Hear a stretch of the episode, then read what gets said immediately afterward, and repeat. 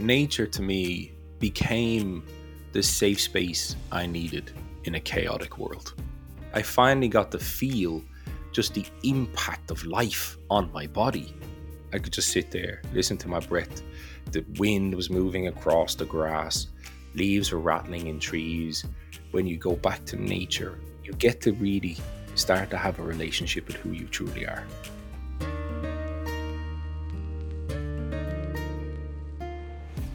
Jag heter Josefin Turesson Kämpe.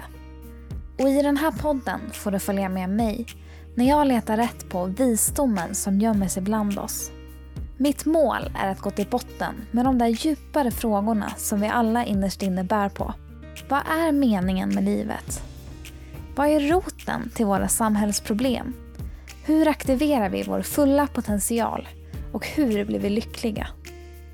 Det här är Visdomsjakten och jag hoppas att den här podden ska ge dig inspiration till att leva ett medvetet liv, växa som person och hitta din grej.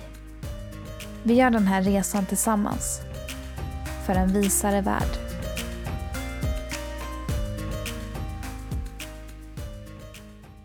Hi everyone!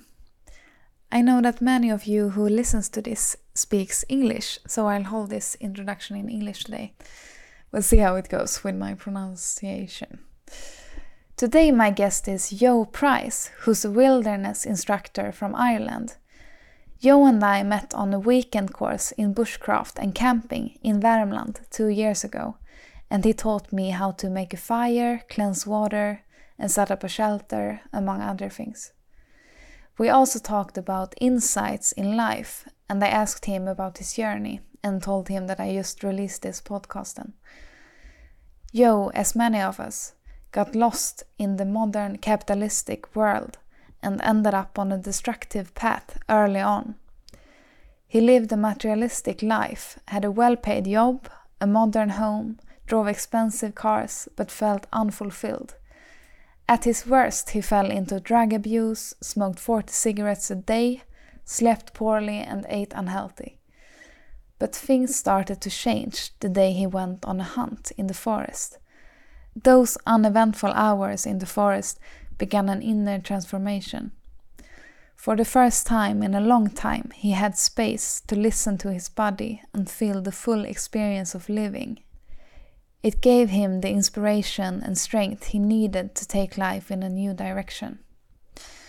Joe has been teaching survival skills and bushcraft professional for over six years now. He also tests and develops outdoor products. He is passionate about giving others the stillness and clarity that the forest offers through teaching how to be more sufficient in nature. He grew up in Dublin, but now lives in a cabin in Värmland in Sweden with his partner Ida Olsson, who runs the company I Skog och Mark that he also works through and the community Natursystrar, Nature Sisters. In today's episode, we talk about his insights from living in nature, about fear and psychology, boredom, stillness, today's society, humanity and the climate crisis, and how we can begin to solve it. We also talk about the balance of feminine and masculine, and why we need to change the stereotype of a tough man with an axe when it comes to the outer space and living in the forest, which, and I quote, is our home. I was so inspired after talking to Joe, and I hope this will give you insights in your life as well.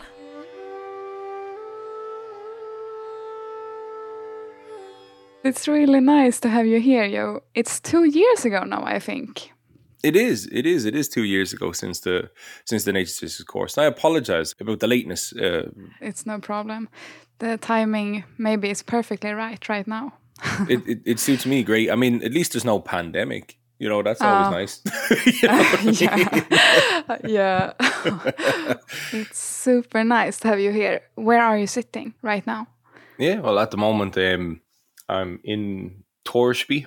It's the place where me and Ida Olsson live. It's a beautiful little village, and I'm sitting in my cabin now at the moment. Well, I wouldn't I wouldn't know if you'd call it a cabin in Swedish. I think it's a stuga. Ah, ah, yeah, it's stuga Yeah, yeah. in Swedish. Yeah, yeah, yeah. Yeah, but there we go. You see, I am genuinely trying Good to job. learn.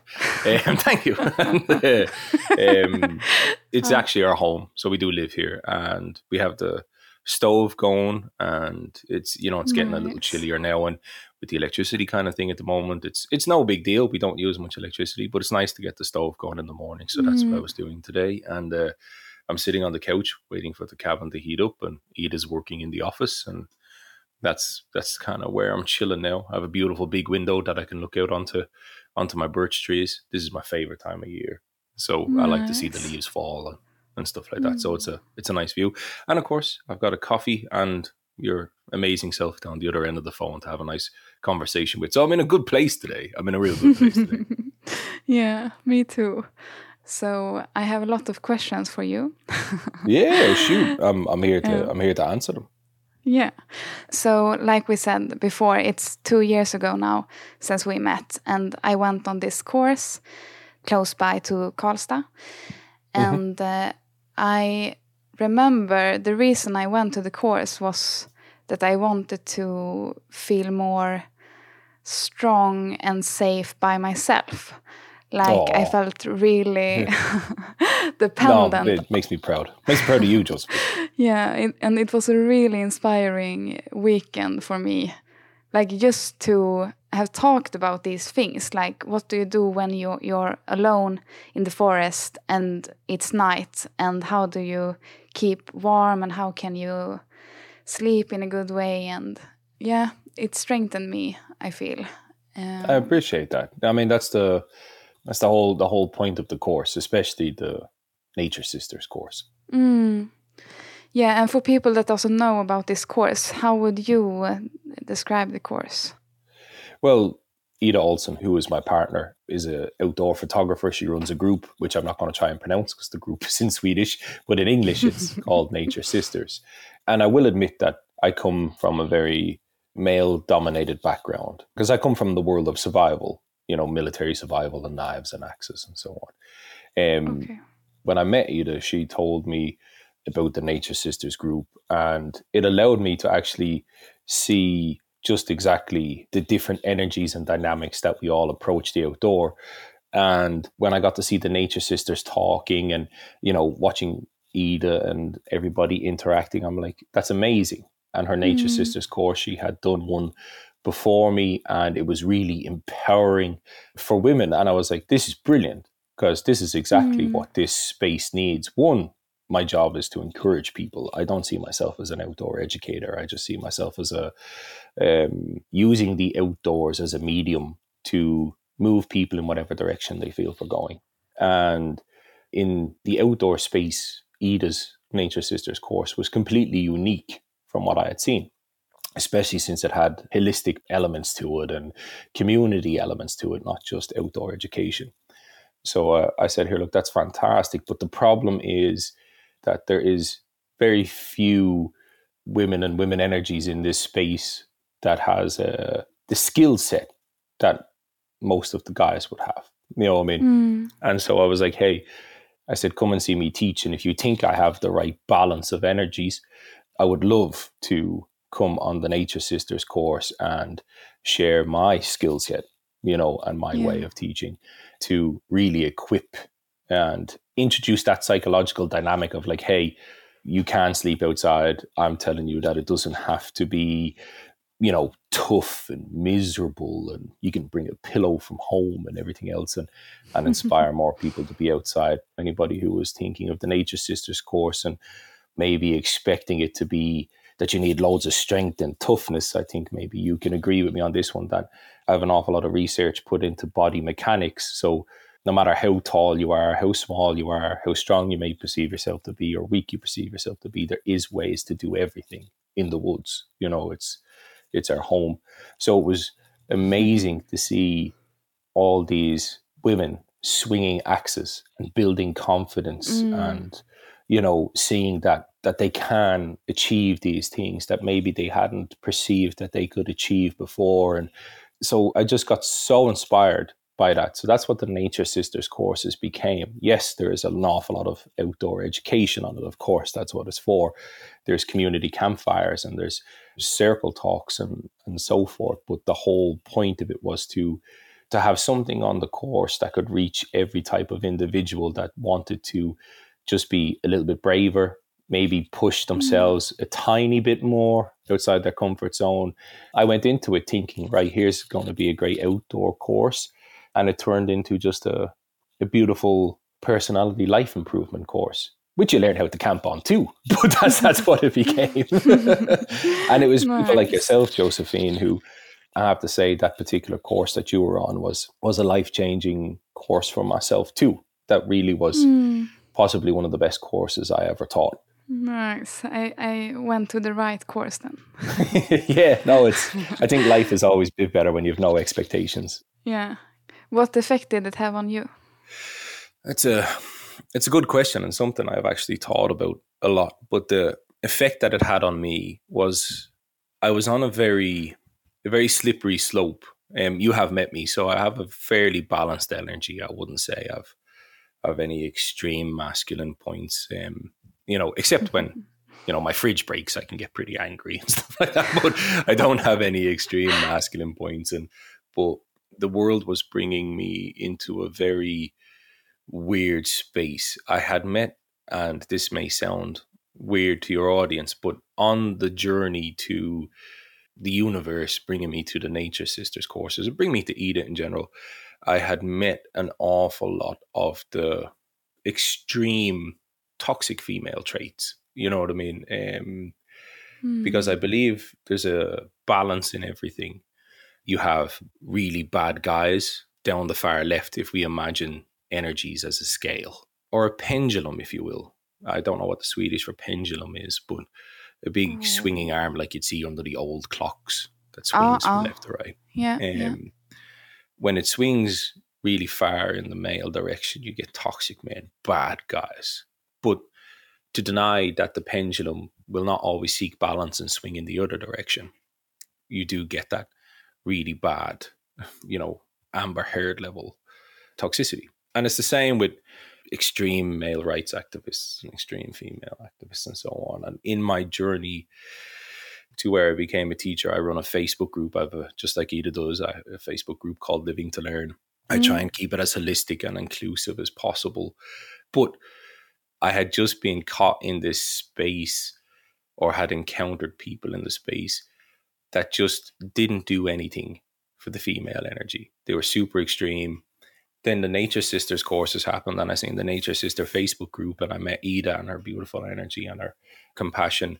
And then I said, no, well, maybe here, look, and I believe everybody should be able to say or admit to themselves that they might have had a wrong perception of something. And then I went on one Nature Sisters course, and it was fantastic. I was like, oh, whoa! So not every woman out there hates me because I'm a man. What's going on here? you know what I mean? What's what's happening? Um, what was it that had happened with these toxic uh, females, or? Well, I appreciate that question. It's a, it's a. It's if you want to share it, oh, of course, no, no. I, I believe in being an open book, especially when it comes to podcasts. I think too many, especially men, keep things too internalized. um, it's the truth. Yeah. It's it'll be the death of it'll be the death of us guys not learning to talk about our emotions. That's for sure. But yeah. um, uh, no, what what what happened is it's just I'll give you a prime example. Like I said, life is a pendulum. So I think people can get very specific when you talk about one side of the pendulum. They can think that's your viewpoint. But I like to discuss all the swing of the pendulum. I don't have any viewpoint. I prefer to be fluid. So I just discuss things as they appear in front of me. So I'll give you an example of where I was or how I got to the point just before the Nature Sisters courses began and before I met Ida. I have a Facebook group like I said, called Living to Learn. And me and the team behind Living to Learn worked super hard because what we noticed was that one, there was very few women in the space. But I said, here, look, I meet ladies like you, Josephine, and stuff like that all the time who are outdoors, who do go hiking, who do want to ask questions or do want to go camping outside. But why aren't they there? You know, I don't believe in one question and one answer is the solution to a problem. You have to keep, like in psychology terms, unboxing the problem. So I was like, okay, there's very little women in the space. why. Let's bring the knowledge that we have and share it, but also bring our personalities back down to the levels of where it needs to be to reach everybody. And that was the idea behind Living to Learn when it started. Mm. So it became over two or three years a, an amazing success. We were growing like a thousand people every two weeks. Um, and then at the height of it, we started to attract an awful lot of women and they came along. And I was super proud to say that for the first time in, in a lot of outdoors Facebook groups, we had a 60 40 split, which was brilliant. Absolutely Okay. brilliant. Yeah, yeah, no. I mean, I even have a screenshot of it on my old computer. I was so proud. Oh. Um, and where did it went wrong? well, where where it went wrong was unfortunately an awful lot of radical feminism rose Mm. up. Um, Okay.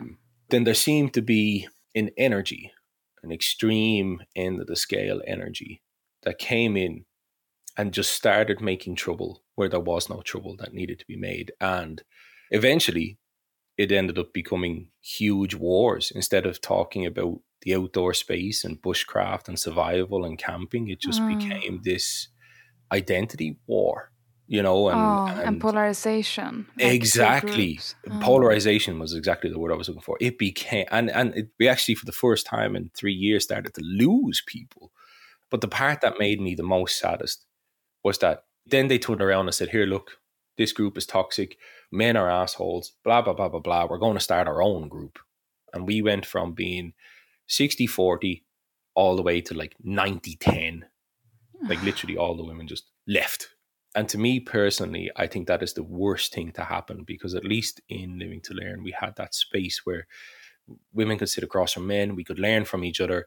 You know, people were asking questions. That's how you heal. You don't heal by polarization. You know what I mean? Like that is quite the opposite of what everybody wants. Like back in the day, we had segregated kitchens, segregated classrooms, segregated everything. Mm. Men went in one swimming pool, women went in another swimming pool. And that got us nowhere.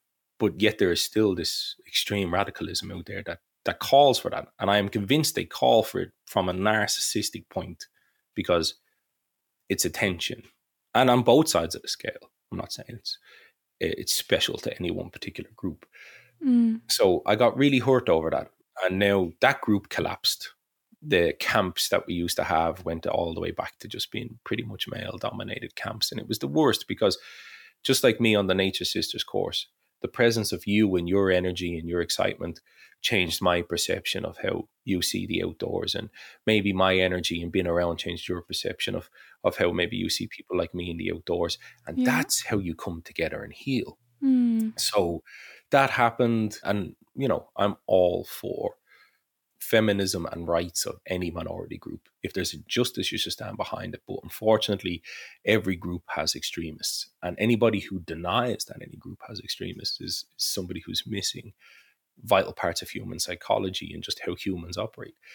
So over those years, it just became very hard to be in certain places at certain times if you happen to Mm. to be a guy and i became angry not at feminists or women i was becoming angry at these extremists that were doing damage to their to their own cause you know i'm going around sprouting at the top of my lungs about equality and how we need to mix and how we all need to sit down at tables and have conversations and meet up around campfires and you know uh, I Mhm. bring skills to the table that maybe you need. You bring skills to the table that I need, and then by by sitting down and just realizing, you know, not to sound too holistic about it, but that we are all actually struggling in this world. you know what I mean? And Yep. and we can sit down and sort these things out because the only way that you can ever really understand a person's viewpoint is by understanding that they are a human. You know what I mean? Yeah. And they they feel like you feel. That's the problem with polarization is it makes somebody an inanimate object that you can project all your hate onto. You know what I mean? Mm. Mm. Whether that be men, women, countries, you see it an awful lot. Polarization is fantastic when it comes to like war, like the current state that we find ourselves in now. Um, Mm. You can Russia can just become this this bucket that you can put all your racism into, all your hate, all the people who ever hurt you in your life. That could become Russia overnight. you know, yeah. you know? And, oh. and and the same with Ukraine, whichever side you fall for. So the same thing that happens on a country level happens on an individual level. So all of a sudden, then all these men who just have been maybe hurt by women, hurt by mothers, hurt by whatever, can just project all that hate onto a group. So I just got real tired of running into these people that were just not doing anybody any favors. But then I met Ida at the worst point in my life. I was newly separated. I was not eating healthy. I'd become very self destructive. I am an ex addict. Um, I was living on nothing but Red Bull and two hours sleep and 40 cigarettes a day. But then, then this beautiful lady came into my life and saw something like women do. That's the beautiful thing. You know what I mean? Saw something in me that I couldn't see in myself, built me back up slowly mm-hmm. over time. God bless her strength. That's a strength only women have. Um, built me back up and then was like, here, look, these these courses I really need you could use your help on. And I was like, oh, I don't know, you know. Uh, I would love to, but I would hate to mess up that dynamic. And I'm I have too many triggers. My wounds haven't healed from being called a toxic man for three years, and my wounds haven't healed from not being able to do anything right, you know. Um, but I said, here, look, I'll, I'll go. I trust you. I'd seen Nature Sisters. I had seen the group. I'd seen how it talked. And I said, once more, once more, I'll do it.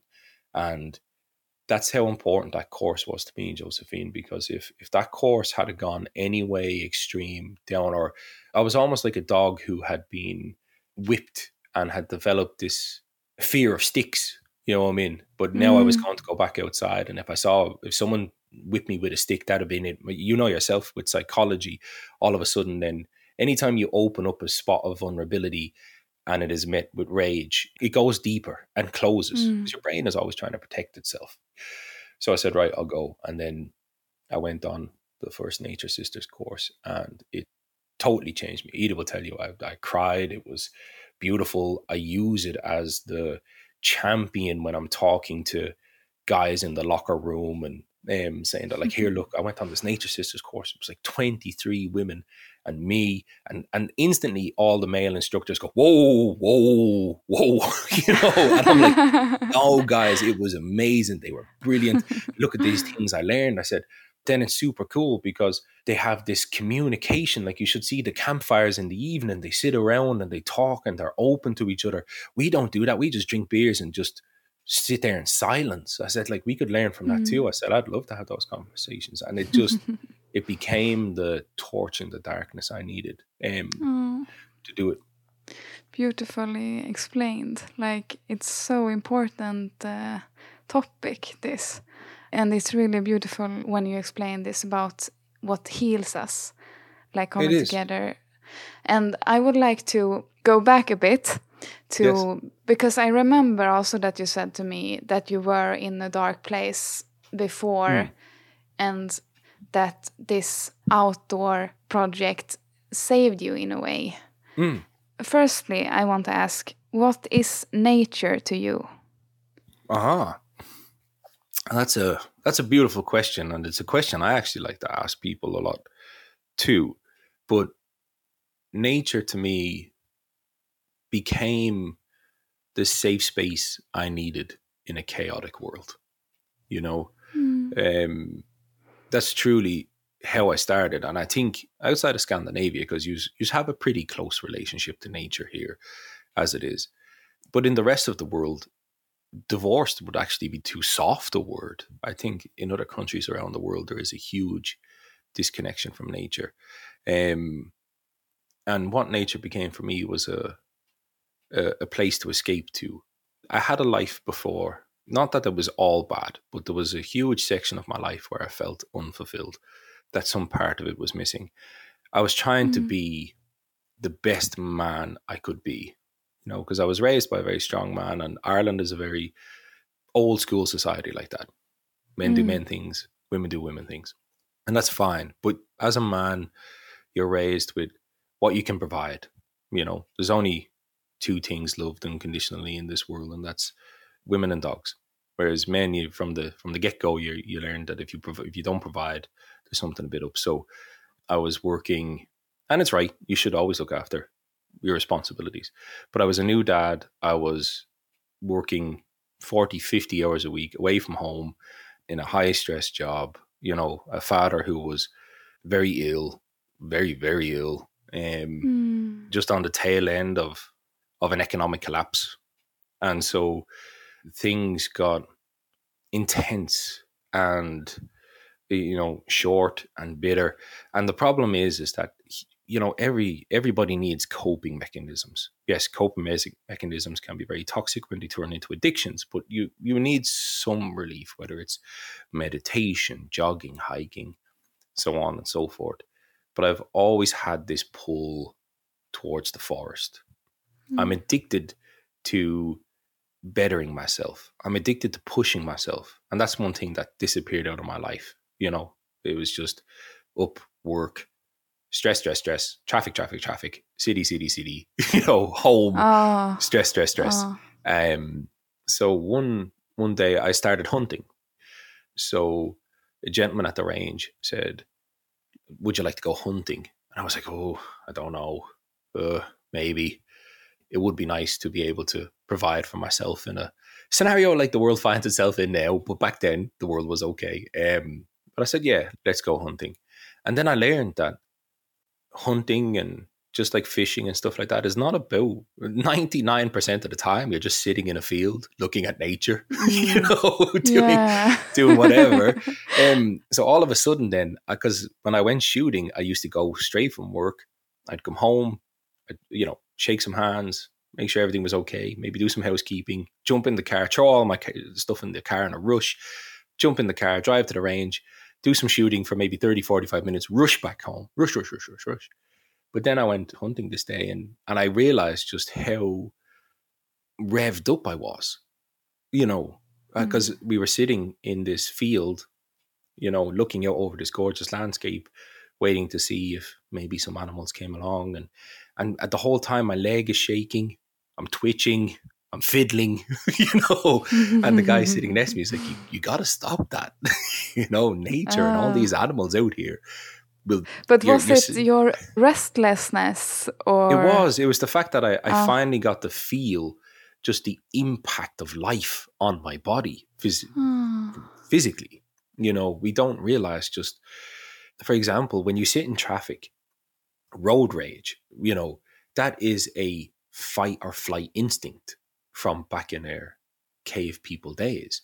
So when you're Mm. going across a roundabout and there's some guy in a BMW and he's not using his indicators and, and you know slams on his brakes, your body goes into that oh no it's a bear in the cave kind of reaction, Ah. and you don't realize just like that's literally your adrenaline gland pumping every bit of adrenaline it has into you and your brain and your serotonin and your endorphins are all kicking in and it can take up to four hours for that to settle back again into a normal biological rhythm. So you don't realize just how much of that is in the world until this first day i went hunting and i sat there and i'm just i was like a like a twitchy rabbit myself. I, I just couldn't do it. But then after I focused on it after this lovely old gentleman, he was like 70 himself, told me I became very aware of it. And I said, right, well, I'm I'm obviously not going to shoot or, you know, any animals today and stuff like that. That's not what I'm I'm here to do anyway. But let's just focus on that. And then all of a sudden I could calm myself down. My legs stopped tapping, you know, I stopped fiddling. You know, I think most people when you look at your body, you have nails maybe that you bite or parts that you may scratch or I twiddle my beard a lot. I used to I Mm. used to play with my beard so much it would get sore, you know, and it was a, an unknown reflex. You know, it was just my Oh. brain trying to manage stress or self comfort. But none of it was from anything extreme. It was just environmental and life pressures. So then, after an hour in this field, in this bush, you know, me and this 70 year old guy in a bush is how weird does that sound? But after me and this with guns, you know, sitting there in this bush, all of a sudden, then my body was quiet for the first time in maybe six years. I could just sit there, listen to my breath.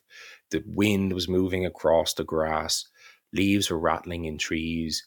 you know, it was stunning. All of a sudden, then I could take in the scenery that's around me. And um, I have a feeling that the reason why this gentleman, who I'm forever in his debt to, we're still good friends today, took me out was because maybe he thought that I could use that. I needed that. So then he's like, hey, look, look over there. And then sure enough, all the rabbits started to come out.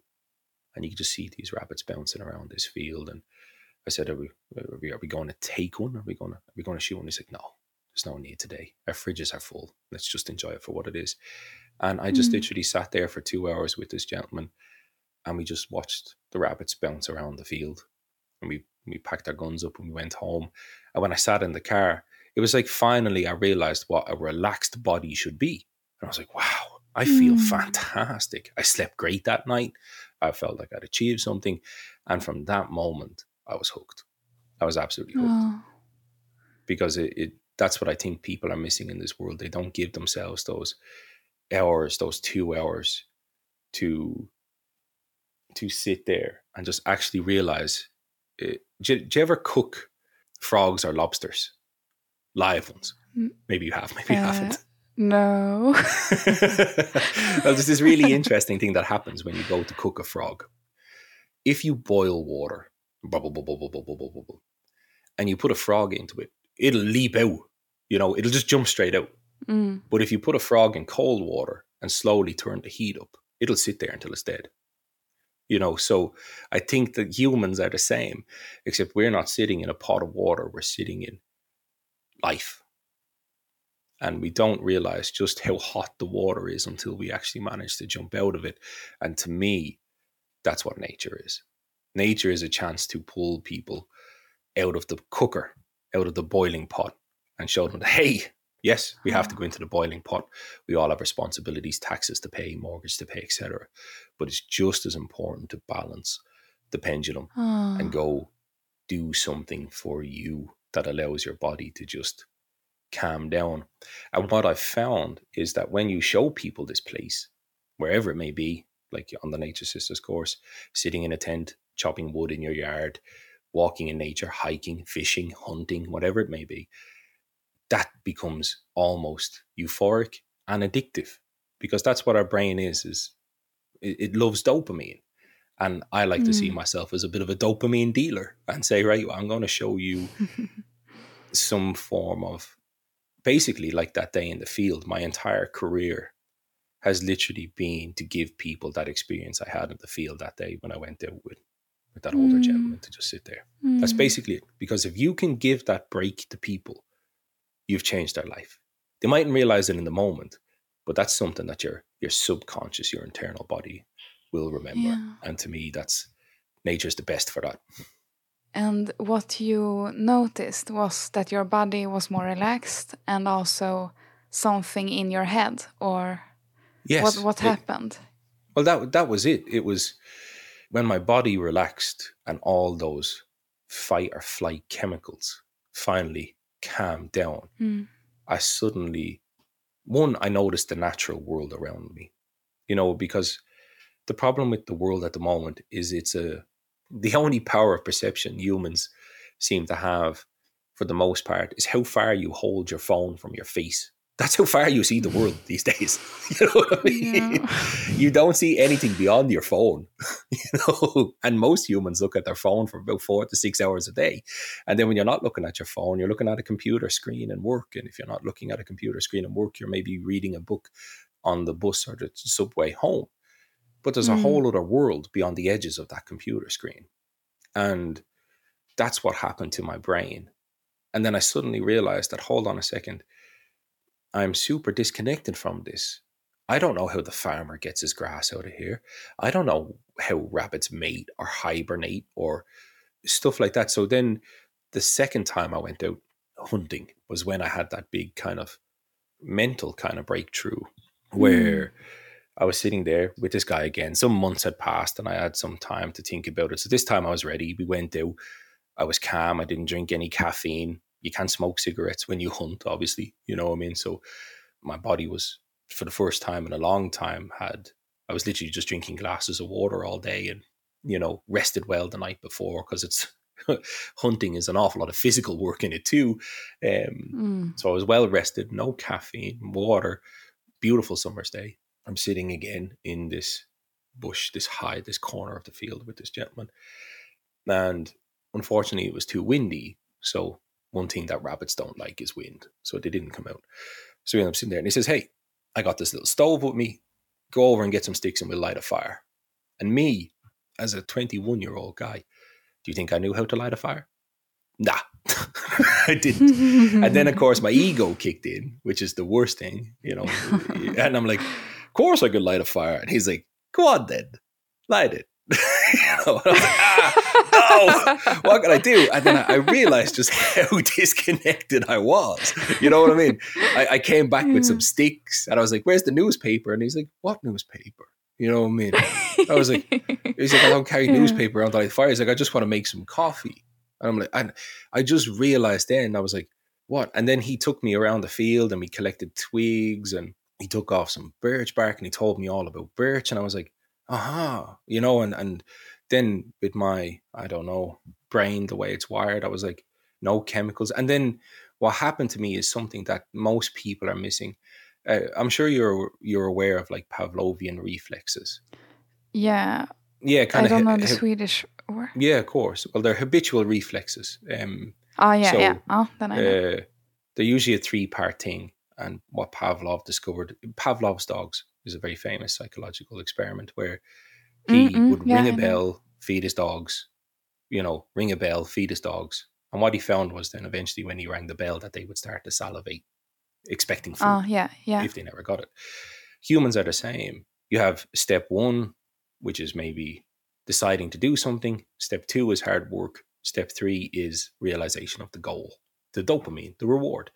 So, like nowadays with the instant gratification, step two is missing. We just decide we want pizza, we press a button on the phone, pizza comes. There's no work. Oh, You know what I mean? There's no no work in the middle. So we have gotten really used to just going from one to three without going through step two.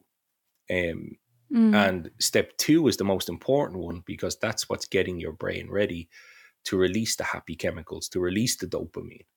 Um, Mm. so instead of just going over to my cooker and turning my cooker on or turning my heating on, I had to walk around, find sticks up the field because the field was on a hill. So down the hill, up the hill, down the hill, up the hill, get sticks, you know, do all these Oh. things. I was afraid to light the fire. Oh no, he's got to laugh at me because I'm a man and I can't light fires, and you know, up and down and up and down. But then when I lit the fire, that was it.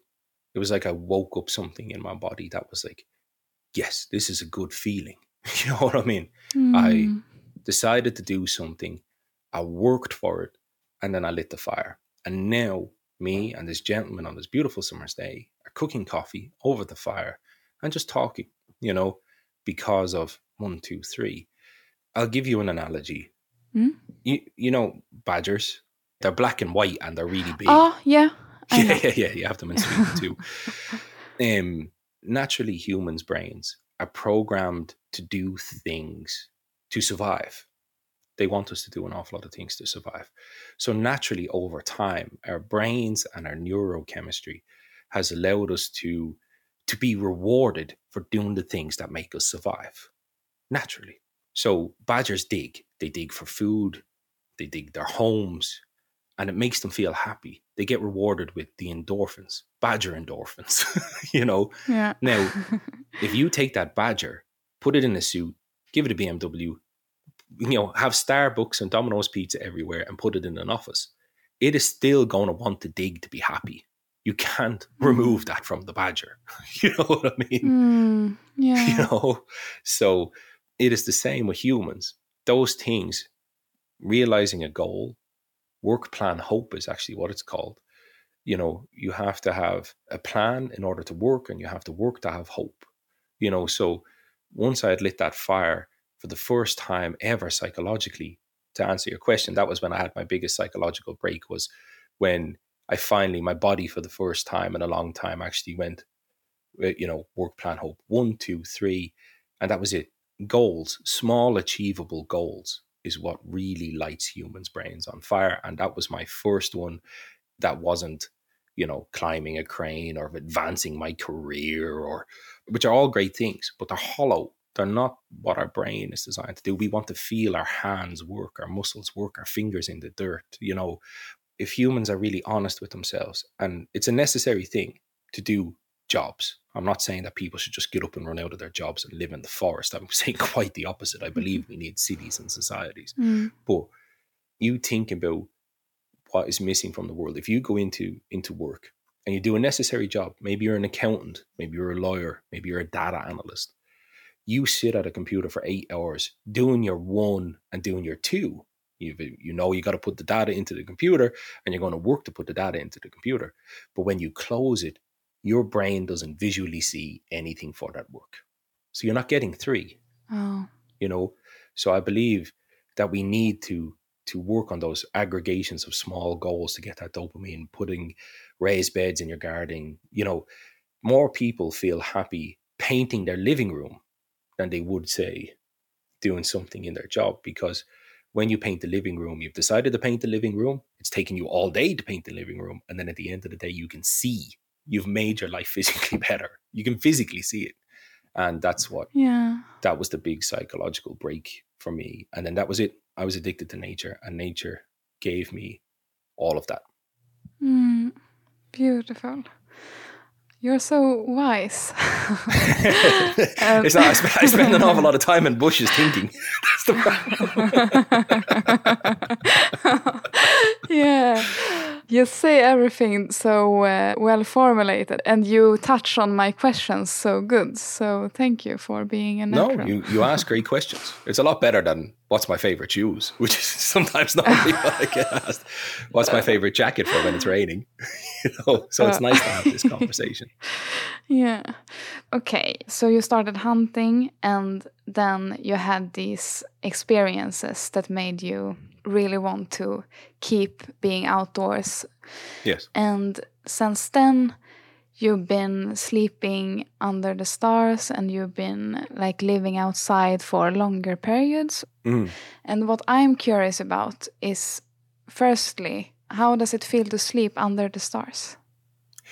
Ooh, that's a good question. Again, another great question, Josephine. Um, how does it feel to sleep under the stars? Wow, liberating. Mm. That's how it feels. And I mean liberation, not in the down with the system kind of thing, but as you know, when you start to first take your ventures outside, for most people, and I myself was included in this, especially back in my twenties, I was just all about champagne and nightclubs and fast cars. Mm. that you it's so daunting it's so scary there's slugs there's slime big scream in the night you don't know what's going on you know what i mean it's it's it can be very very daunting Uh, but fear irrational fear for example we shouldn't fear nature but there is rational fears like bears you know what i mean yeah. but yeah. then there is irrational fears like the fear of, you know, and that's where phobias come from and racism and everything and all that kind of stuff. But what it comes from, what it stems down to, if you keep stepping back, being a reductionist, keep bringing it back, keep asking the questions, keep unboxing, what it all boils down to is a lack of understanding. So, in order for me to get to the stage where I could sleep underneath the stars, I had to understand what it was that was scaring me. And once I understood it, it didn't scare me anymore. So there was Mm. a long process And, like have you ever heard a fox scream at night? No. Oh, well, you should Google that. I recommend anybody in your audience who who plans on sleeping outside for the first time and stuff. Google foxes at night, especially when they're mating. It's it's like something out of a Stephen King horror movie. You know I mean? Especially if you're unprepared for it. You know what I mean? Uh, You're sitting there at night and you might be in your hammock or your tent or whatever. And next of all, it sounds like like there's murder scene happening out there. Now, that is enough to make most people cut and run. But because I had wanted to research, because I was I was just like anybody else. I'm like, okay, I'm going to sleep outside for the first time on my own. What can I expect? You know, badgers. Okay, that's fine. Badgers, cool. You know, um, maybe some owls. You can listen to all these noises on your computer You know, you can put headphones in and you can practice. Mm-mm. And and then I got to the foxes and the horribleness. and I love foxes, but I don't like them at night. But then I went outside. I went hunting again. And this time we were going to go hunting and we were going to sleep outside. And again, my ego, I'm like, yeah, okay, let's do this. I'm a man. Brr. Inside, I was shitting it. you know what I mean? so um, we went out. We hunted all day. And then we prepared our food over the fire. Again, like those badger endorphins, that was a beautiful thing. It was a beautiful thing to be able to go out in the morning, provide for myself, then prepare it over fire, which I knew how to cook. So you can see how you're constantly getting these. I'm slowing down, I'm relaxing, I'm getting good endorphins, you know, getting good food. My body's alive. But Mhm. then it started to get dark. I started to get scared. you know what I mean? I Oh, was like, okay, because it's unfamiliar. And that's all fear is. It's just fear of the unknown. So I made myself as comfortable as possible, um, which wasn't very comfortable because I didn't know what I was doing. you know, I made myself as comfortable as possible. How, how, how did it look? Oh, it was terrible. I actually have pictures, and that's one thing I love about my journey is from the very moment I decided to do this in 2007, I took pictures all the time. Even on my YouTube channel, you can go all the way back to the very first video I made. I've got the wrong boots, the wrong shirt, the wrong tent, you know, a whole lot of it. And I think that's important for people to see because sometimes Mm. people can see people like me that I came out of the womb wrapped in deer's clothes, running around with birch shoes, you know, which is not the case. I we Yeah. start like everybody else. I started like everybody else anyway.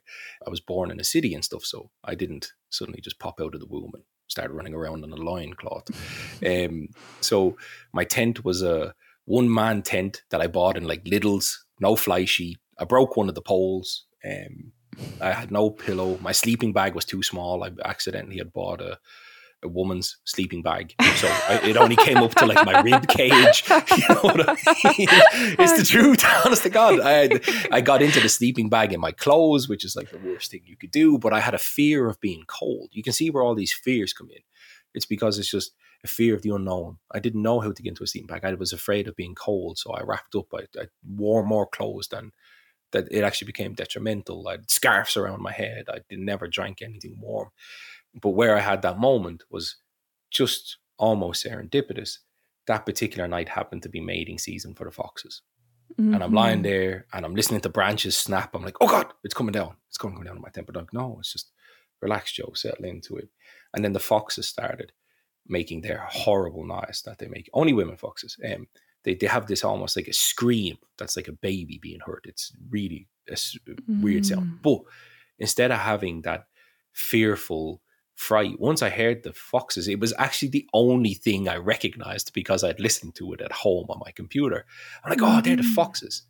And then all of a sudden, my brain just something switched in it because I'd re- I finally recognized something in everything that was scaring me. And I'm like, oh, there's foxes. How cool is that? I'm sleeping on the ground and there's foxes here, and I'm in the woods. And you know, are the foxes out mating? Is she with her cubs?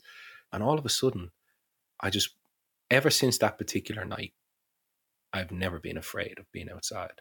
And then I just became addicted to learning all those things that scared me.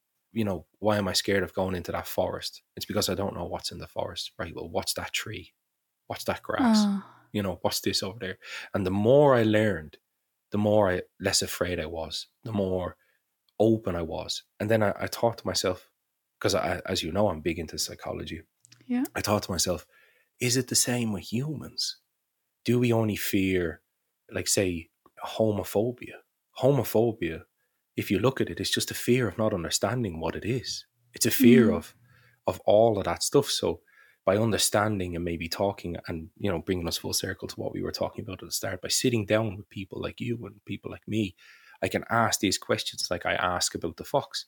Well, is that what you actually want? And then all of a sudden, once you understand something, your brain will never be afraid of it again. You may not agree with it and you may not like it, but you won't fear it. And fear is where all those horrible things come from. yeah. I really agree with that. I just thought about like sometimes for me, I'm afraid of wild animals, for example, if I camp. And then somewhere in me, I know that they will probably not hurt me if they are around. But still, I get this hooked up thought that they will. Mm. Mm. Uh, so I'm not in reality. I exaggerate things, and that becomes a fear. Yeah, and and that's that's what our brain does because you got to imagine that your brain is almost like a projector. You know those old Mm. school things that you put, you know, slides in like click click click click. you Ah. know, you watch the pictures. Yeah. Um, that is quite literally how our brain works. It's where you get deja vu and presque vu and all those things from, because your brain is constantly putting slides in to your lenses of the world. So if you don't have the correct slide, your brain just makes one up. you know what I mean? It, just, it needs one to put in there because that's how it works. It's like insert something here. So if like me, you you sit there and you you hear a fox scream for the first time, my brain has no slide for that. So it's like, oh well, that's somebody being murdered. That's a wolf. it's, it could be Oh. anything. Whereas if you know it's a fox, your brain just goes click. There you go. It's a fox. You're solid. And I do that too. And that's what happens with fear. It causes you to to overthink because your brain is trying to make something to insert into your lens to see the world, Mm. your perception. And that's why I think we get these massively distorted views of not just nature. Um, I'll give you a, a- an example. Recently, there, I taught over in Ireland at a university. I taught there for five weeks and I taught close to 400 children under the age of 16. Mm. 30 children a day. And you could see in their infancy, you know, being 16, from the ages of like 10 to 16, And what did you teach? uh, bushcraft, nature. Okay, okay. Um, so these kids were from all around the world. They were all from affluent families from the city. But then when you brought them out to nature, within the first 30 minutes, they're worried about dirty shoes. They think everything is going to stab them to death. You know, uh, they're afraid of the fire, the whole lot. But then when you bring them on the journey, the journey that I went on, the step by step explaining, taking away the fear, encouraging, saying, "Hey, no, that plant isn't going to kill you. In fact, it's beautiful. You can you can eat the berries." Oh no, I I, I don't like fruit. I'm like, yeah, but you eat Nutella. This is a hazel tree. Where do you think Nutella comes from? It comes from this tree. We get hazelnuts, and of course, there's palm oil and other horrible stuff in there. But this is kind of the epi- the epicenter of it. So rather than telling them the name in Latin, I was like, "This is the Nutella tree," and they were like, "Oh, the Nutella tree," and you'd see them walking around. But by the end of the third hour, they were dirty, running around, sleeping in hammocks. Nothing was scary to them. And it was because of eliminating that fear that just constantly gets compounded as we get older because we Mm. get cognitive bias. And then I always imagine people standing at the edge of a forest, which is our home. You know, we, we are badgers at the end of the day, where as much as we love our Starbucks and our coffees, and I mean, I love all that stuff too, we're missing our other home. There's Mm. like 90% of this planet is not inside the four walls of our home. And I think, just like we talked about at the start with extremists on any end of the scale, left, right, men, women, it doesn't matter, they can take advantage of that. That's what got me angry with my fear too, was that if you're afraid, the more afraid you are, it's Edward Bernays, it's it's classic marketing psychology 101. The more fear you can introduce in a person, the more you can either sell them, manipulate them, abuse them, hmm. and so on. So by living with your badger endorphins, your one, two, three, you're digging your hole, you're becoming an, a compilation of small, achievable goals, you become a stronger person, less manipulated, more in touch with who you are. And unfortunately, it's very hard to complete that cycle in modern society. But the one place it can be completed is nature. Mm. And it, it's not always by by going out and living in a debris hut and eating snails. you know, that's that's a very extreme end of the scale. But do you know what's beautiful? And there's so many people out there that would be afraid of it. And I know some people may laugh, but I, I, it's the truth. People are afraid of rain. I think you can agree with that Oh, you know. And I was. I live in Ireland. It's practically Atlantis. It rains, but seventy five percent of the time. you know what I mean? So, and and there's a beautiful Swedish saying where it's uh, there's no such thing as bad weather, just bad clothes. That's a Mm. beautiful saying. But I like the Finnish one as well. there's no such thing as bad weather, just weak people. You know what I mean? Ah, okay. And you ask the Finns and their way of looking at it. But people always take weak as a personal shot. It's just language, it's just words. But what I mean is that it was a huge difference for me because one of the biggest fears I had was what happens if I get wet? What happens if I get cold? What happens if it rains? But Jesus, I mean, we live on a planet that's 90% water. It's just water from the sky. What am I afraid of? Why am I stopping going outside? What I'm, I am quite literally, I'm a grown man and I'm scared of the rain, like scared of getting proper wet. So then I set myself the challenge of just saying, right, no matter what the weather is, with respect to danger, I'm not talking about going up fields or mountains and stuff, but in respect of the weather, I was going to the forest, whether I was hiking, walking, building bushcraft projects, identifying trees, whatever it was, I was going out. And then there are so many photos of me just being out in the rain, getting soaked.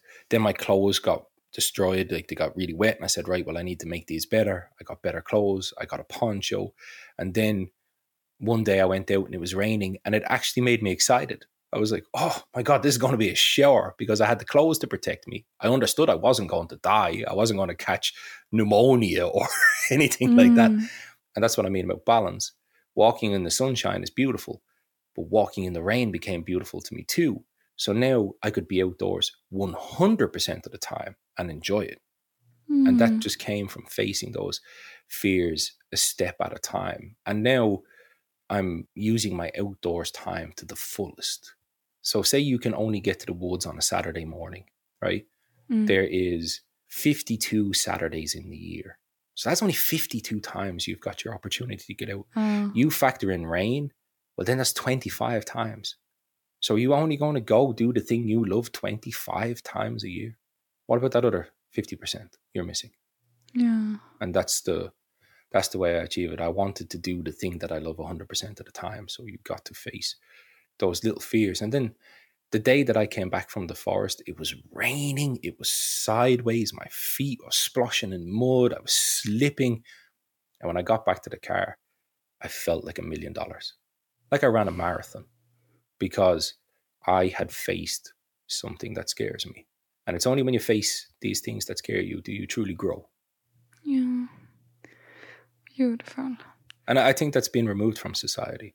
We don't really ever have to. Yes, we do. We face these instant reaction things. Driving a car, that's a fine example of it. Yeah, But- we're very comfortable, but I believe Yes. also that we find things to obsess about, like to fear. I don't know what you mean. I took the wrong time to take a drink of coffee, but yes, yes, that is a that is very true. No, it is. It's it's it's it's very true. and, and when- like confidence also i mean like and relationship to other people and uh, yeah creativity blocks I'm convinced our brains are designed to find these challenges because it's what rewards us. So oh there's a saying out there that uh, hard times create hard people. Hard people create good times. Good times create soft people. Soft people create hard times. You know, and thus the circle of Greek mythology is is complete. And that's how they believed societies work. And maybe we're in that soft times, hard days, um, soft people, hard days kind of thing, because we're always looking for challenges, always. And we're always looking for ways to grow, ways to get our dopamine, our good endorphins. And I think you truly nailed it. When you become comfortable, but then you start to really obsess over things that maybe don't really need to be obsessed over. And I Mhm. agree with you a thousand percent on that because it's like when anybody boxes or goes to the gym or does anything they love. It doesn't have to be nature, but we're talking about nature here and it's what I know. And I only Mm, believe in speaking yeah. from a personal perspective. But as you've seen from the Nature Sisters course, although there was some toilet facilities there, but when you spend three days in nature, battling rain, having to light sticks on fire to make coffee, sleeping on the ground, when you come back to your home, your home which you may have hated before you left because you need a new kitchen or because your couch is old or because your bed might be a bit too small, you go spend three days in the forest with nature. When you come back, your home is a mansion flushing toilets, flicking kettles. you know? Oh yeah, yeah. I it changes that perspective. And that's what happened to Oh. me because I was a very materialistic man. I genuinely was. I always I was getting my dopamines because I had become a good consumer out of fear, out of ignorance, out of losing that one, two, three. Oh, I feel bad. I'll go buy myself an expensive coat. Oh, look, I feel good temporarily. Now I need another coat.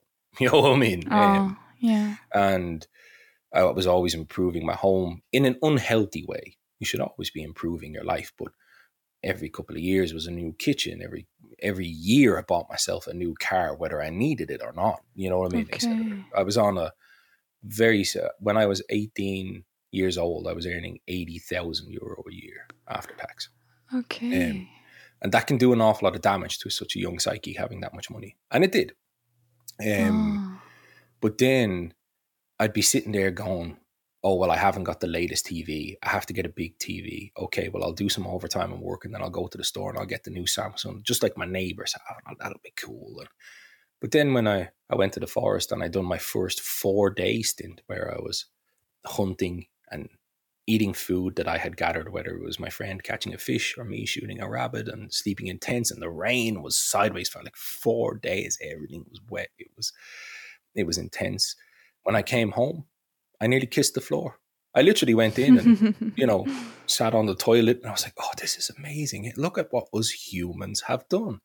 Mm. You know, and that was a a huge change in my thinking because humans, on the whole, from the powers that be or marketing or whatever it may be, we're constantly being belittled and put down. And just like in an abusive relationship, if your partner is always telling you you're shit, you're never going to think you're good. But then when I came back from that four days and I seen a fridge, I'm like, one, I know why we invented these fridges because it's it's not nice to go out and shoot everything all the time. It's nice to have something ah. there that can just store. And I'm like, well, that's why we have grocery stores. And that's oh, and oh, and flushing toilets. Isn't plumbing amazing? Look, I can flick this kettle, and in five minutes, I've got boiling water. Look at that. Isn't that amazing? And then all of a sudden, I fell in love with humanity again. I'm like, look at how amazing we are from, you know, you make things out of flint and bushcraft, and you make containers out of bark and backpacks out of sticks. Then all of a sudden, you're like, we went from this, which was obviously technologically advanced at the time, making sharp things out of rocks to antibiotics. You know what I mean? Mm. And in Yeah. this age of polarization, men versus women, black versus white, you know, whatever you want to call it, I am convinced it's by design because all humanity has ever tried to do was survive. That's that's all we've ever done. And improve if humanity didn't work together, we wouldn't have antibiotics, kettles, sanitary products, the pill, all these things. You know, it, it Yeah. was men and women, blacks and whites, everybody working side by side push through the darkness of the night to mm. make life better, regardless of individual motives and hierarchical power structures or whatever. The average human, and there's a lot more average humans than there is these 1% hyperly performing people, narcissistic madmen and women. There is a lot more of me and you and our neighbors. And all we've ever done is push through the darkness of the night as society. We built walls to keep the rain off. We built hospitals to, to feed poor. We, we found out ways to mass produce food to get it to the to the masses. We don't need root cellars. We have electricity. That was humans working together. That has been separated from our psyche. I Mm. feel that society at the moment is in a very abusive relationship with its partner. I really do. and the partner being nature. Or- no, the no? partner being not sounding too extreme. Nature is actually the good partner. That's the partner that we meet after we've we've left the bad partner. Yeah, Nature is the one that like shows us who we were and builds us back up. But the partner we have at the moment is beauty magazines, toxic government officials, Yeah. regulations, celebrities on TV telling us we're too skinny or too fat or our teeth ain't nice. That's the abusive relationship the Mm. old old world way of looking at things and we need to divorce from that we've divorced from nature we're told that nature's bad you know you look in movies there's never a good redneck you know what i mean you know But yet the star of the movie with his six pack and his fast car, that's that's the good guy. But it's not the farmer. It's not the truck driver, the people that actually keep our society moving. Doctors, farmers, truck drivers. The society would fall apart without them. you know yeah, I mean? yeah, yeah. You want to see how bare grocery markets will look if there's no truck drivers on the road. But yet they're always painted as the worst people, always painted as stupid and inbred or uneducated. Most people are in an abusive relationship. It's all the hallmarks of it there. You know, you look at the TV, it's narcissism, it's ego, it's it's self-feeding. You look at governments and it's psychopaths and people who are power driven and detached. I mean, how is somebody who is the head of the Bank of Sweden who's on 10 million kroner a year going to understand what I'm doing at my little stuga in Torsby? He's going to be completely detached from that world. So when you go back to nature, then it is the best relationship, which is you with you. you know what I mean? Yeah, It's it's you listening to yourself, your first voice and your second voice. In fact, I give you a an interesting thing that you can do on yourself, Josephine, and, and Yeah. your listeners can do too. But have you ever heard of the concept of first and second thought? Uh, no, it Cool, sounds well- familiar. Yeah, well, it's a, it's a good exercise to practice, something to practice on when people are on their way to work or driving in their cars. mm, mm, So there is two types of like the Native American society has known about this psychological concept for a long time. Like the Native Americans say that there's two types of wolves in everybody: a good wolf and a bad wolf, and Yeah. the one you feed is the one that becomes strongest. And it is the same in humans. We have two thoughts all the time. We think two things, but one of them is who we are, and one of them is who society, our relationship, our abusive partner has told us. So you can you can listen to this because these voices are there, and you can tune it in, and that's where the quiet of nature gets it. I noticed it one day when I was walking down the street, and I seen this very heavily overweight person, and I was just walking along, and I looked over, and I went, "Ugh, my God, that person is so fat, lazy." You know what I mean? mm. But then after that, I heard this little thought, this tiny, almost imperceptible whisper in the back of my head. And it's like, well, maybe they can't help it. Maybe they have a, a thyroid problem. Maybe they got depressed. Maybe they had an abusive partner. Maybe they lost somebody and fell into a circle of addiction. And I was like, Mm. whoa, whoa, what's that thought? I haven't heard that thought before. you know, where's you? Mm. So I noticed then, I said, right, well, I'm going to listen for that. And then I noticed that there was this thought that always preceded this second thought. And I was like, where is this thought coming from? Where was I programmed to think these horrible thoughts about people? That his clothes meant he was poor, that her clothes meant she was narcissistic, that you know, this skinny person over here was anorexic, this person over here with so much makeup was vain. Where did these thoughts come from? Because they weren't mine. I wasn't born with them. The hmm. second thought, which is everybody's second thought, that's you. That's your personality. That's Joe. You know what I mean? In its purest form. And I thought to myself, oh, that's wrong. So I trained to listen to that second voice and then it just totally removed. And I noticed that all these toxic thoughts were fear and programming and not nice things, but it's stuff that's inserted in your brain. It's thoughts that you have been given. They are not thoughts that you have formulated yourself. And that's where the quietness of nature. That's what I meant about when you go back to nature or meditation or wherever wherever you find that space to be alone, you get to really start to have a relationship with who you truly are. Mm. When I say to people, when you think of farmer, what's your first, your instant thought? And maybe your instant thought is rural, redneck, unshaven, bad clothes, unfashionable, shit cars. Well, you don't think that. We don't come out of the womb thinking those thoughts. Where do they come from then, you believe?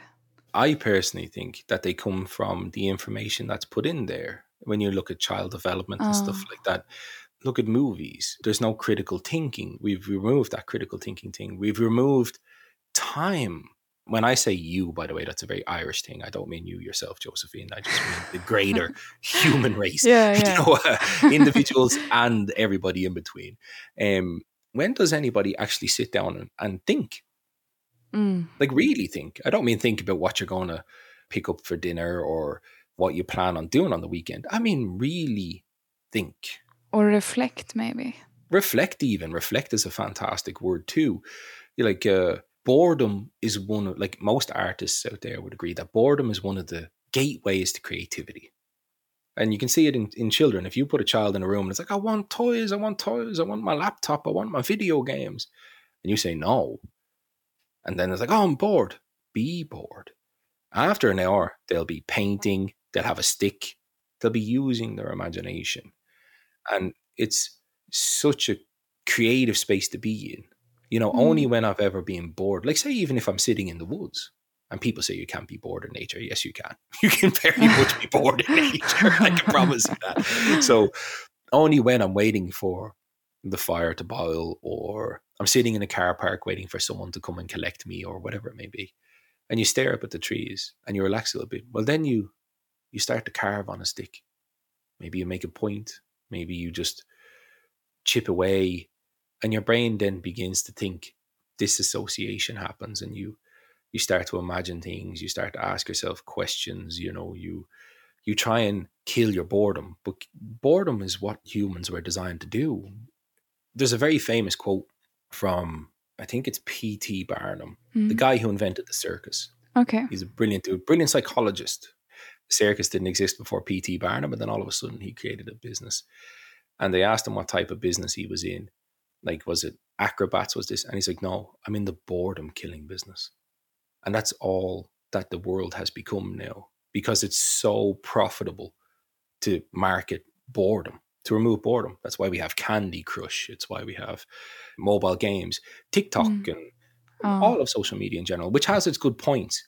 But humans just have this massive fear of being bored. And boredom is actually one of the things that leads to brilliant bouts of creativity.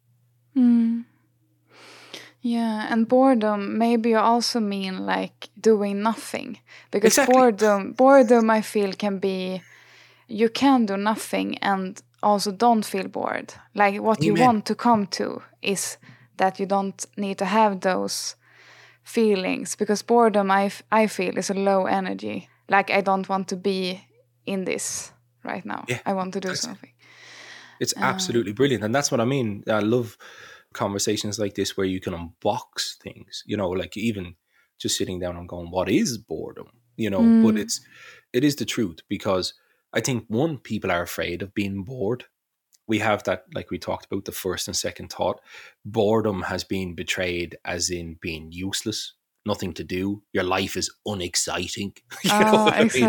I mean? You know, so when when people feel bored, which is the spark of creativity, which is the moment you're finally going to get to just be alone and put your feet up and stare at the ceiling or look at a, a spider crawl across the floor or whatever you may decide to do, that is when your brain is in the is just about to take off, mm. you know, and figure it out. And even meditation, I'm sure some of your listeners would meditate. I meditate. Yeah. I like I like meditating. Oh, um, okay.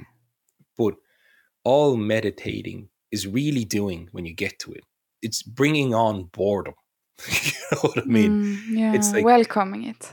Yeah, welcoming it exactly. It's sensory deprivation. It's kind of like when you go to those sensory deprivation tanks where you float around in the warm water. You can't see anything, you can't hear anything, you can't feel anything, and your brain just becomes alive. It, you know, there's so many experiments where you can put ping pong balls over your eyes and white knives in your ear, and because your brain is constantly looking for answers. So when the answers are coming from your senses. It's got five inputs, five USB ports are going into your mm. brain, feeding yeah. it information where it builds these pictures of your perception. You remove those USBs, your brain is still going to want to build its perception. So it just goes off on a complete, absolute tangent. you know what I mean? Some oh. people use drugs to get there, some people don't. But the key to it is boredom. You look at artists because the one thing we don't do is listen to people in their one, two, three processes. That's one thing that's been removed from society too. We see Jeffrey Bezos, who's the, the owner of Amazon, and he's a billionaire because he created Amazon. But we miss step two all his work, all his creativity. Where did he have his moment of genius? Where does his ideas come from? And when you listen to artists like, say, Salvador Dali or MC Escher, they sit and they think, they sketch, and their sketch is their form of meditation. They're just letting the pen do their work, or they sit in a cafe and they just look at the world and become bored. And then they see something. Oh, hey, look at that. That's a different phase. Okay, well, I can draw that phase. Oh, and then there, and then all of a sudden creativity happens. But that creativity is not going to happen when you've got Candy Crush in your hand, your friend is in one ear, you're listening to football results in the other ear. You know what I mean? Yeah. It's, that that ain't going to go. And then naturally, when you feel bored, we've been designed or trained as a society to fear it. Mm. To fear it. Like you show me any parent who will let their children be bored now. It's and I, I'm guilty of it too. It's only something I've changed recently in in the birth of my second son Mm. parents are scared shitless of their children being bored. That's how much we fear boredom. Because when Yeah. kids get bored, they tend to get destructive. They're looking for that input. But you can work with your kids. You can play with them. You can show them. You can encourage their boredom. It happened here recently in um, in Erstuga. Myself and Ida, who's an amazing bonus mum, had we had the kids over. Um, my oldest guy is well used to it, but my youngest guy hasn't been out of society yet.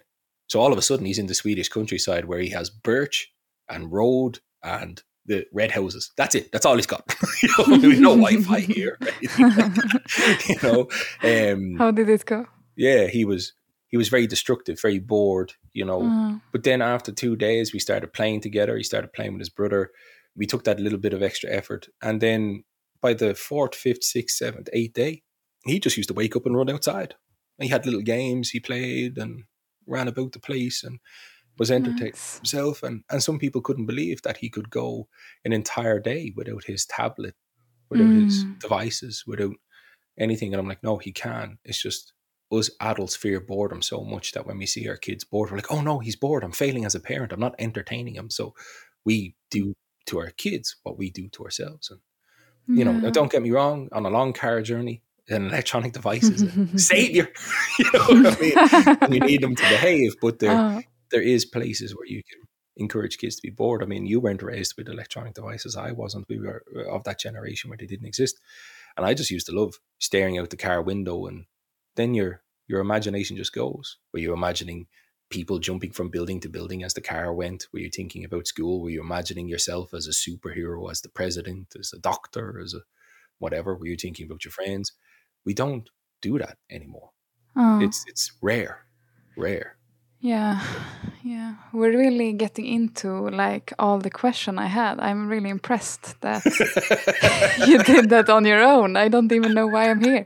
No. I was- I was- but the, you're you're a good host because it's it's sometimes it can be a struggle, but you you ask questions that that definitely spark my train of thought, and Mm, this is why I was so excited to do your podcast because I knew from talking to you that the podcast was going to be a space where I never get to talk like this ever Mm, you know, as you can imagine. I had a lot that I wanted to share, and that's why over two years that I kept in touch and we kept talking because I felt that your podcast would be a place, and it inspired myself and needed to create our own too, in the sense of having a voice off social media because that's one thing that can happen when you become big on social media. I say big, I wouldn't call myself big. Who do I think I am? I But think when, you're when you become well known on social media, um, you can tend to lose your personality because you get Oh. afraid to offend people. You get afraid to say your opinions. You get in case you get cancelled or me too or you know something happens like that. So you Mm, don't get to discuss these things and flesh these things out in long format conversations. So that's why I was like, I need to talk to Josephine, and, and I know she'll ask the, the right questions. Yeah, I was really happy that you wanted to be in the interview because I really felt inspired by you and what you said, and you were very open with what you've learned and your thoughts and stuff. Maybe if you can list like three things that you've learned about yourself since you began being more outdoors and meeting these challenges in yourself Yeah, three things about myself. Um, that you've learned. yeah, that I've learned about me. That's great. One, I learned that I never really knew who I was at all. I only had this shape of what I thought I should be and what other people and society thought I should be. That was the first thing I learned. Um, Second, I learned that I had no I had no chance to listen to my body. You know, that was a big thing because I was on a destructive path with my body, not exercising and eating terrible and you know, my body was screaming at me, but I was just too preoccupied to listen to it. And three, I learned I learned the dangers of not being in nature. I learned the beauty of a planet with finite resources.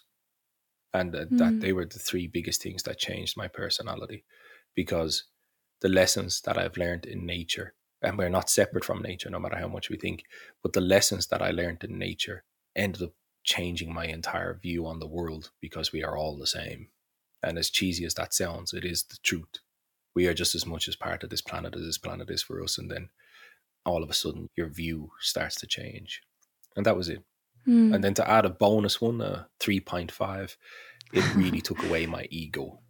It really took away my okay. ego. You, everybody thinks they're the hardest, most strongest man on the planet until they get a spider web in the face and then that. oh. okay. Don't care how tough you are. An unexpected yeah. spider web in the face at 5 a.m. on a trail is enough to, to make any man fucking fall to the ground. And that's the one thing nature definitely taught me. Mm. Definitely taught me to not take myself so serious. Yeah. Okay. Really nice. Thank you so much. Oh, you're um, more welcome, Josephine. I just thought about this about the climate crisis, and you talk a lot about, about balance. Yes. And um, what do you think will solve the climate crisis? Um, the one mil- this is actually question. something. Yeah, no, this is it's a fair one, and well done. You know, because that's it's definitely something that I never get asked, but it's something that me and Ida talk about extensively. But the one thing that I think can solve the climate crisis is people taking responsibility for their individual actions. And I'm not saying that you shouldn't get up and stand up for a message, but I think the problem is is that too many people virtue signal and electric cars are a prime example of that. There's nothing wrong with owning an electric car before anybody starts going crazy. If you live in a city, you have a small journey, an electric car is fine. But way back four or five years ago, scientists, engineers, people were screaming out saying that we ain't got the lithium. Just the laws of thermodynamics. You you can't create something new without damaging things. And taking electric cars, for example, is not offsetting carbon emissions. It's just exporting them. You know, instead of burning the, the oil in your car, you're burning it in a refinery. And it's it's stuff like that. So taking responsibility for your individual actions is not going out and screaming at the top of your lungs that we need more wind turbines. It's like actually recycling. There is a beautiful thing about becoming responsible for you. There's a great quote, a great Nordic quote where it's like, you should look for the plank in your own eye before taking the splinter out of your brother's.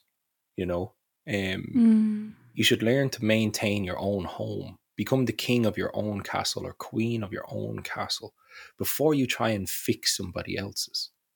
And if everybody done that, the climate would sort itself out because I can take responsibility for my individual actions. I can choose to buy clothes that are offset. I can choose to buy recycled materials. I can choose to buy natural products. I can choose to shop local. I can choose to support my f- local farmers. I can take all these steps. Buying a stainless steel straw isn't saving the planet. It's virtue signaling. You know, it's like we can preach Christianity, or you can be a Christian. You can preach Jewish traditions, or you can be Jewish.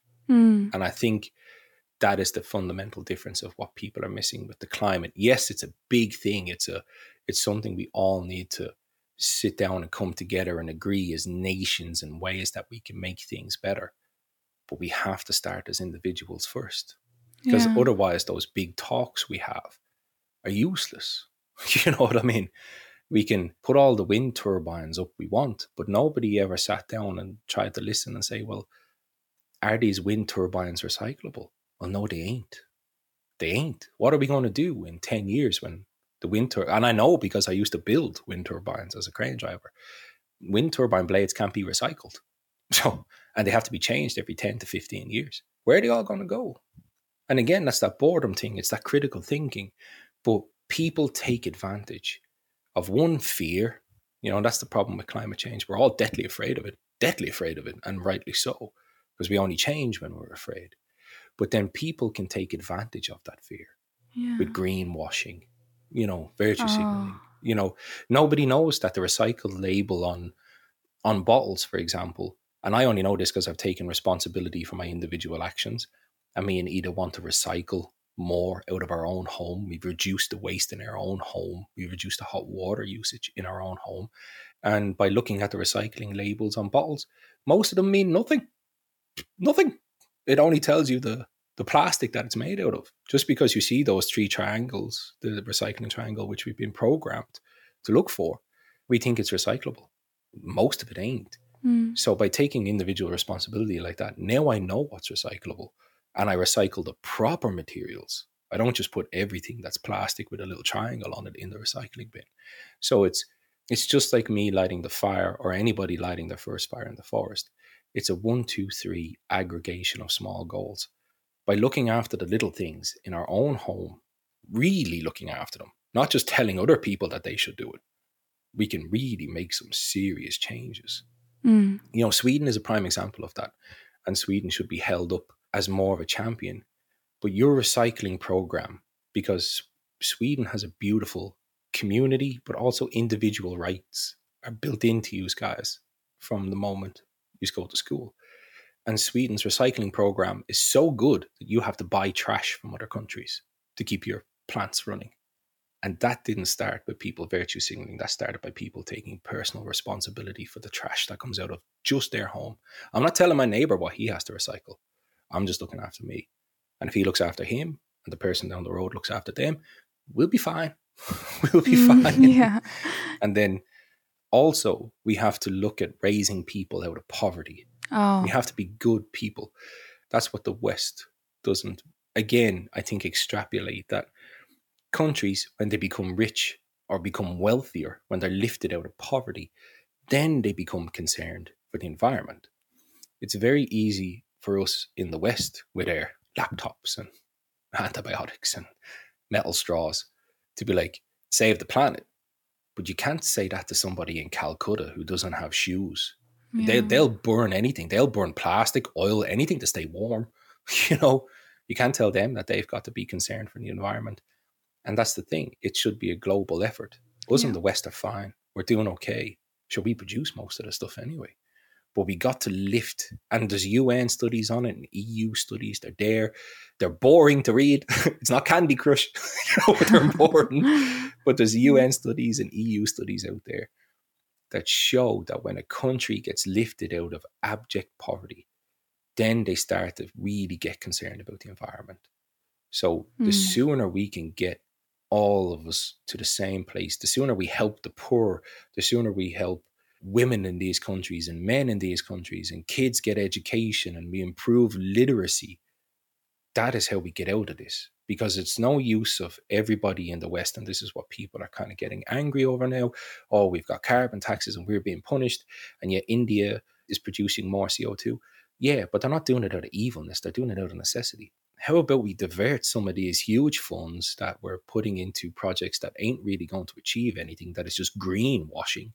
How about we put those funds into building Indian schools, building proper Indian infrastructure, building them proper power plants with gasifiers and CO2 scrubbers and everything in them that it was. And when when they get lifted out of poverty, they'll look after themselves. Yeah. But that's again something people ain't doing. So they're the two biggest problems I think with, with climate change, or the two quickest ways about climate change that we can get down is take individual response, true individual responsibility. Because that's what's happening now at the moment with this polarization. People ain't thinking as individuals. It's all group think now, group identity and group thinking, me versus you. And I'm a vegan and you eat meat and meat is doing this to the planet. And, and then the meat guys are going, yeah, well, you're vegan farming and there's no such thing as, uh, it's, it's nonsense. you know what I mean? Mm. Whereas if, if people just made sure that the guy who's eating the meat, that he gets it the most ethically, most CO2, most environmentally friendly way, like myself and Ida do. We either hunt it, buy it from local game dealers. We don't like to buy meat that's transported in from other places. And if the vegan done the same, we'd be fine. we'd be winning. you know, we'll be okay. And it's the same as humans, then we should band together and get the planet out of poverty.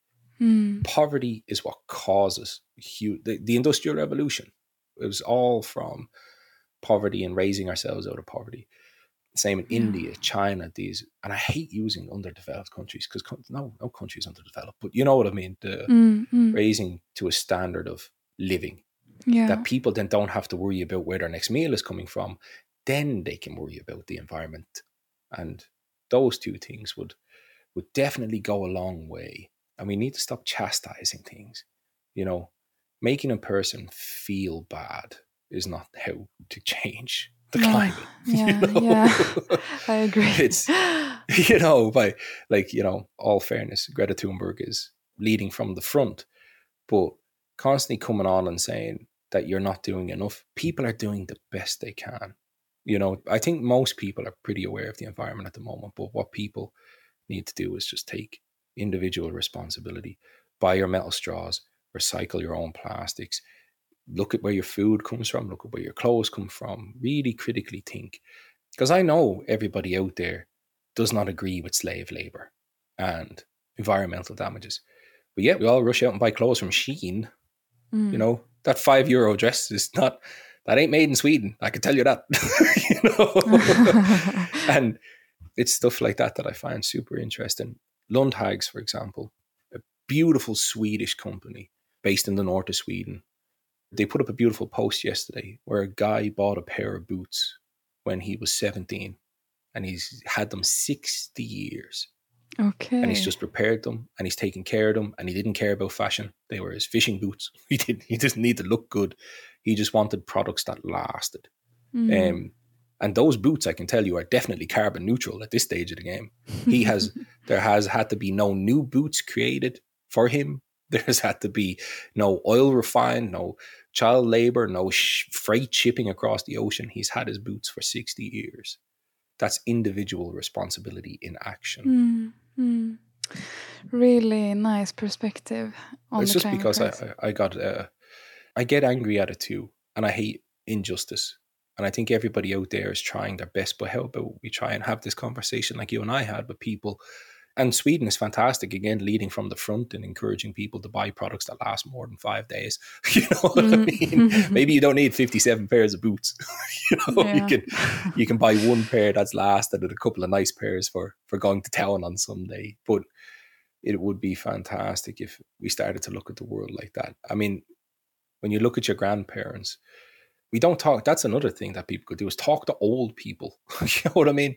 They've survived more shit than we have. They've got answers. you know Mm. what I mean? um, I have a feeling that old people, especially in the coming winter, are going to be invaluable with the knowledge they have how to can apples and you know all the kitchen appliances that don't need electronics and like for example you go to a loppis and you buy a potato slicer that doesn't need electricity one that potato slicer is probably 15 years old it's carbon neutral it doesn't need electricity and it's going to slice your potatoes Mm. that's a very good individual responsible choice or you can go down to Elgiganten pay a thousand euro for this super duper Bluetooth Wi-Fi potato slicer, stick it into the power Mm. mains, and, and, and have it play music while it slices your potatoes.